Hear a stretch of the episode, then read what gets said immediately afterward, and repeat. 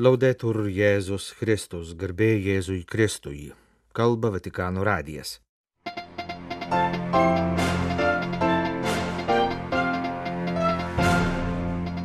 Keturios popiežiaus audiencijos penktadienio rytą. Italų studentų ir jaunų profesionalų asociacijos nariams, ortodoksams studijuojantiems Romos popiežiškosiuose universitetuose, Prancūzijos bažnytinių institucijų atstovams spaudai, Vatikano fondui padedančiam saugoti bažnyčios audiovizualinius archyvus. Toliau mūsų laidoje kalbėsime apie Ukrainos graikų apieigų katalikų vadovo interviu Italijos spaudai. Popiežius išsakė susirūpinimą jaunimu, pasiduodančiu silpnajam mąstymui, sudėtingo gyvenimo ir pasaulio akivaizdoje apibendrinti, kritikuoti, supaprastinti ir iškreipti tikrovę, siekiant savo tiesioginių interesų, o ne kitų gerovės ir visų ateities. Drįskite svajoti, gyventi rizikuojant, kūrybingai, pagal Dievo net lyginamumo dovanojimo stilių, atsisakant minties daryti dėl turėjimo ir dirbti dėl pelno. E questo è il dramma del postmodernismo, pensiero debole. Silpnasis mąstymas yra postmodernizmo drama, pažymėjo Pranciškus. Pasak jo, tik apsiginklavęs Evangelija tokia, kokia ji yra, ir būdamas kūrybingas, jaunimas galės praverti naujumo plyšius pasaulyje, kuris tenkinasi pelnu. Tik šitaip būsite tikrais revoliucionieriais, patikino popiežius penktadienio audiencijoje per susitikimą su Toniolo asociacijos jaunų profesionalų suvažiavimo dalyviais. Toniolo asociacija, veikianti prie švenčiausiosios Jėzaus širdies katalikų universiteto Milane, nuo 2016 metų per atitinkamą stipendijų programą studentams bendradarbiauja su Šventojo sosto institucijomis ir diplomatinėmis atstovybėmis prie tarptautinių organizacijų, jungtinių tautų organizacija New York'e Ženevoje, UNESCO Paryžiuje, Europos taryboje Strasbūrė, kitų tarptautinių organizacijų Vienoje, taip pat su migrantų ir pabėgėlių skyriumi tarnystės integraliai žmogaus pažangai dikasterijoje. Šis bendradarbiavimas, pasak popiežiaus, yra labai vertingas, suteikiantis progą studentams įgyti patirties Petro tarnystės artumoje, brandinti gyvo tikėjimo ir krikščioniško gyvenimo, susiduriančio su dabartiniais pasaulio iššūkiais patirtį. Sì, perché essere giovani non è pensare di tenere il mondo in mano, ma sporcarsi le mani per il mondo e avere davanti una vita da spendere. Būti jauniems reiškia nemanyti, kad galima turėti pasaulį savo rankose, bet jas susitepti dėl pasaulio. Gyvenimą gyventi, duodant, nepasilaikant savo. Visi mes turime būti kūrybingi ir veiklus. Tai gali tik jaunimas, kai trokšta tiesos, šaukėsi taikos, nujaučia ateitį, viltingai šypsosi. Taip darykite ten, kur dirbate be baimės. Che i giovani sono le leve che rinnovano i sistemi, non gli ingranaggi che devono mantenerli in vita. Esate įrankiai sistemai atnaujinti, o ne sraigtai jos veikimui palaikyti. Kūrinyje mus kviečia, kad būtume darnos ir grožio kuriejai. Palaimintasis Juozapas Tonjolo liudijo, kaip semtis grožio iš gyvenimo tikėjimu ir be baimės spręsti laikmečio problemas, kad ekonomikai suteiktume žmogišką įveidą. Popiežius paminėjo nūdieną opę taikos temą, pažymėdamas, kad pažvelgus į šiandieną gėrio santarvės taikaus sambuvio tarp tautų siekis atrodo tolimas. Atrodo, kad diplomatija pamiršo savo kaip šaltinio, kviečiančio įveikti gilėjančią tautų santykių prarąją prigimti. Mums reikia drąsių jaunimo veiksmų ir vizijos prieš griovimą ir karus. Atsinaujinimo reikia taip pat ekonomikoje, kovoje su badu, ginklų gamyba ir prekyba, klimato klausimais, komunikavime, darbo pasaulyje ir daugelie kitų sričių.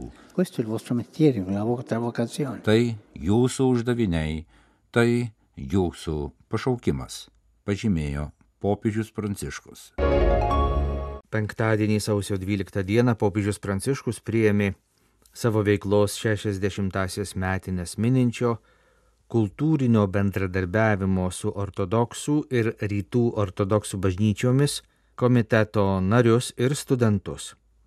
Komitetas sudaro galimybės ortodoksų ir rytų ortodoksų bažnyčių dvasininkams ir pasauliečiams studijuoti Romos popiežiškuose universitetuose ir kitose katalikiškose akademinėse institucijose. È bello incontrarvi nell'imminenza della settimana di preghiera per l'unità dei cristiani Atkreipęs dėmesį, kad susitikimas vyksta likus kelioms dienoms iki šių metų maldos savaitės už krikščionių vienybę pradžios, popiežius dėkojo visiems, kas dalyvauja komiteto veikloje ir prisideda prie studentų išlaikymo. Taip pat šį svarbų tarp konfesinio bendradarbiavimo projektą remiančiai krikščionių vienybės skatinimo dikasterijai ir Romos kolegijoms, priimančioms stipendininkus. Pasak popiežiaus, gyvas ir tiesioginis bendravimas padeda ne tik ortodoksų ir rytų ortodoksų studentams, bet ir katalikams geriau vieniems su kitais susipažinti, įveikti prietarus ir iš ankstinės neigiamas nuostatas, greuti barjerus ir statyti dialogo bei draugystės tiltus. Popiežius sakė, kad toks skirtingos kilmės studentų bendravimas jam primena pirmųjų Kristaus mokinių bendruomenę Pažvelgiai juos pamatysime, kad jie iš tiesų buvo labai skirtingi, sakė Pranciškus.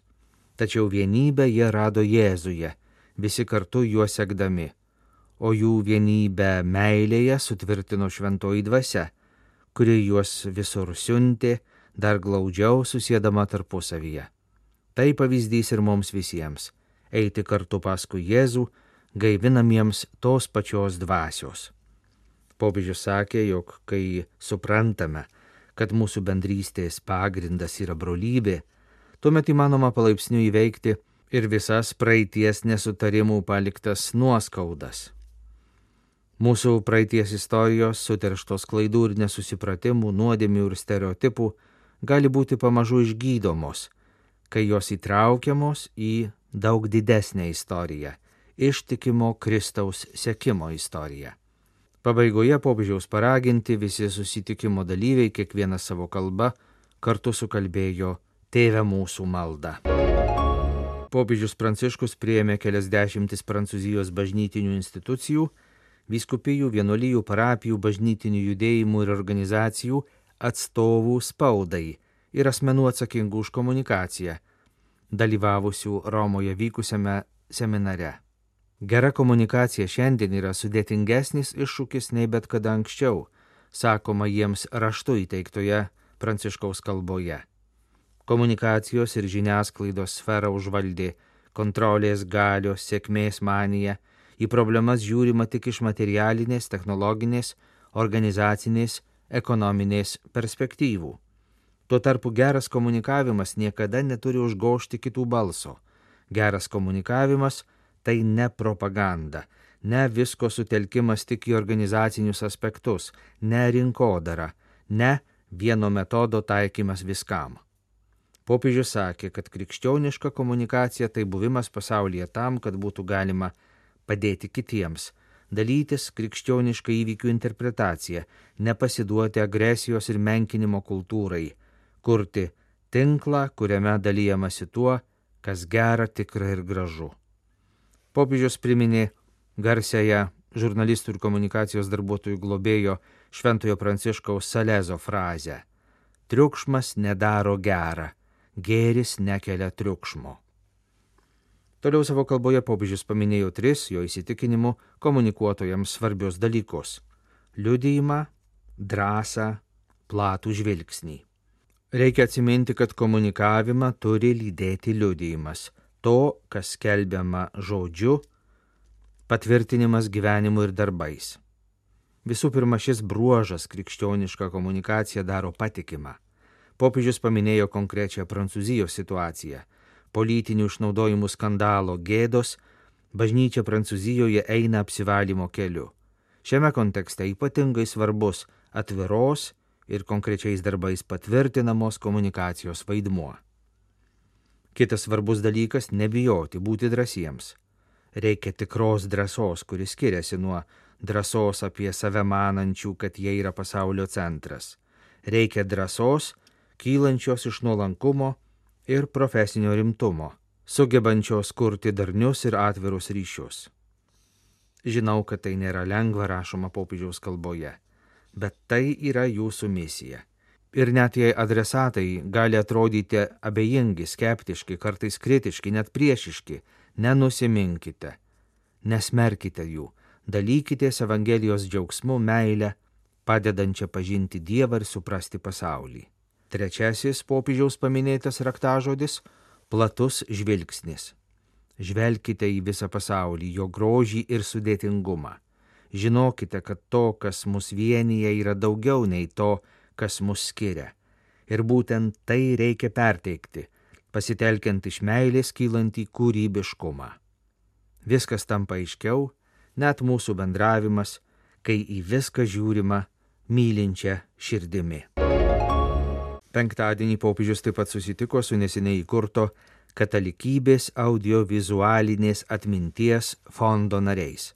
Šios institucijos tikslas - saugoti ir studijuoti bažnyčios istorijai svarbių institucijų ir subjektų audiovizualinį paveldą. Popiežius pritarė fondo vadovybės sprendimui pradėti darbą nuo Vatikano filmotekoje saugomų filmų dokumentuojančių krikščionybės jubiliejus restauravimo. Atsižvelgiant į artėjančius 2025 šventuosius metus, pasak popiežiaus, tai labai geras būdas visiems parodyti pavyzdį, kaip svarbu saugoti turtingą, bet trapų bažnytinį audiovizualinį paveldą. Popiežius taip pat ragino fondą plėsti bendradarbiavimą, kurti bendrus projektus su universitetais, mokslinių tyrimų centrais ir technologiniais partneriais.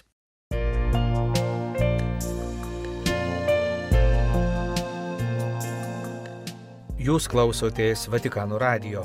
Tęsėme žinių laidą lietuvių kalba.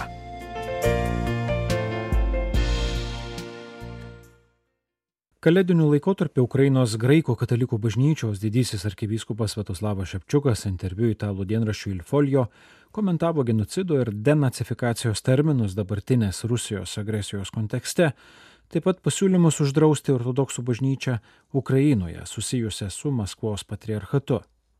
Ar dera talpinti vienoje genocido kategorijoje holodomorą ir dabartinį karą, ypač kai ne visi sutarė dėl apibrėžimų, klausė italų dienraštis. Abiejų priežastis, pasak ukrainiečių ganytojo, yra nepasotinamas imperializmas. Ukraina iki šiol jaučia prieš 90 metų vykdyto genocido badu traumą. Ką matome dabartinėme kare? Kasdienius išpolius prieš civilius, prieš civilinę infrastruktūrą, girdime apie kankinimus, apie seksualinę prievartą, apie žmonių, vaikų ir moterų deportaciją, apie bendrus kapus. Tai sunkus karo nusikaltimai, kurie ukrainiečiams akivaizdus ir be teismų sprendimų ar istorinių tyrimų, pažinėjo Svetoslavas Šepčiukas. Taip pat pasak jo būtina atkreipti dėmesį į Rusijos oficialiai naudojama denacifikacijos naratyvą okupacijai pateisinti, kuris iš principo kalba apie Ukrainą be ukrainiečių.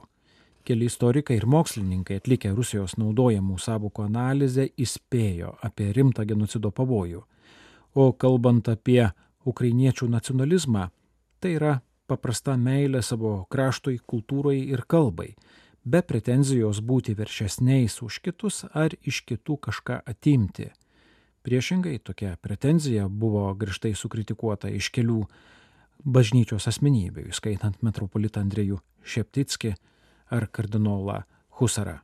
Ukrainiečių patriotizmo lyginimas su nacizmu yra dar viena Rusijos propagandos linija. Atsakydamas į klausimą apie tai, ką ukrainietis ganytojas pats klausė, apie kokią taiką kalbame apie režimo, kurio vadovui Tarptautinis baudžiamasis teismas paskelbė arešto orderį dėl karo nusikaltimo taiką. Šis klausimas apie taiką yra ne vien ukrainiečiams, bet ir visai Europai. Ką ji galvoja apie Rusijai palankę ir patinkančią taiką? Apie tai, kad tarptautiniuose santykiuose Įstatymo jėgą bandoma pakeisti jėgos įstatymo. Pasak Svetoslavo Šepčiuko, jis įsitikinęs, jog tokia taika Rusijai te būtų laikas reorganizuotis ir siekti dar didesnių užmačių. Šis absurdiškas karas turi būti nutrauktas. Esame tauta, kurios siela ir kūnas sunkiai sužeisti. Kiekvieno iš mūsų sieloje yra šio siaubingo karo pėdsakų, o daugybės kūnuose dideli randai ir traumos. Mūsų bažnyčia ateinančiais metais savo silovadinį dėmesį skirs būtent karo žaizdoms.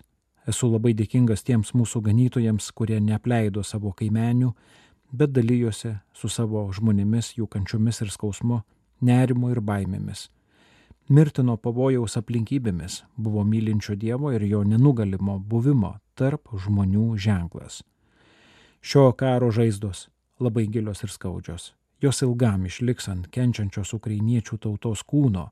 Tik viešpats žino, kaip išlėti savo gailestingosios meilės šventąjį aliejų, galinti jas išgydyti. O mes jau šiandien nenorime būti neapykantos vergais.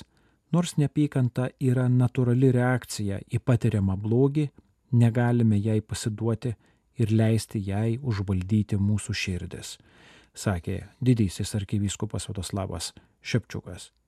Italų dienraštis taip pat klausė didžiojo arkivyskupo apie bažnyčių Ukrainoje santykius ir apie siūlymus uždrausti su Maskvos patriarchatu susijusią ortodoksų bažnyčią. Jos situaciją pažymėjo didysis arkivyskupas Svetoslavas Šepčiukas. Visus faktinius ir juridinius ryšius su Rusija dėl karo atmetančioje Ukrainos visuomenėje yra labai nepatogi, o politika atspindi visuomenės nuotaikas. Kita vertus, valstybė turi pareigą užtikrinti saugumą įvairiose sritise, įskaitant ir religinę. O Maskvos patriarchatas pateisino karą Ukrainoje bei paragino jame dalyvauti. Tad Ukrainos institucijos tikrina su patriarchatu susijusios bažnyčios atstovų veiklą. Tačiau, priduria Svatoslavas Šepčiukas, uždrausti visą religinę konfesiją yra kitas dalykas, liečiantis bendrus demokratinės valstybės ir religijos santykių principus. Taip pat reikia pabrėžti, jog juridinis bažnyčios draudimas nereiškia jos gyvavimo pabaigos, nes bažnyčia visų pirma yra ne juridinė struktūra už žmonės. Tai liudyja ir pačios graikų katalikų bažnyčios, kuri buvo uždrausta keletą dešimtmečių istoriją. Ukrainos valdžia turi teisę ir pareigą užtikrinti nacionalinį saugumą bet taip pat jautriai žvelgti į religijos laisvės klausimą, kuris yra demokratinės santvarkos dalis.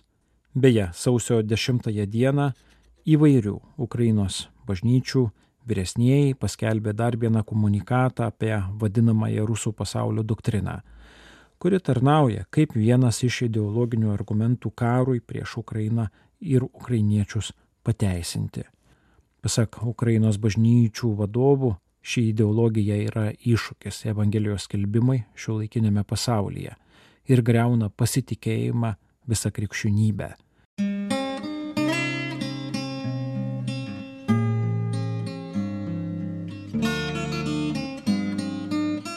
Kalba Vatikano radijas. Laidą lietuvių kalba baigėme.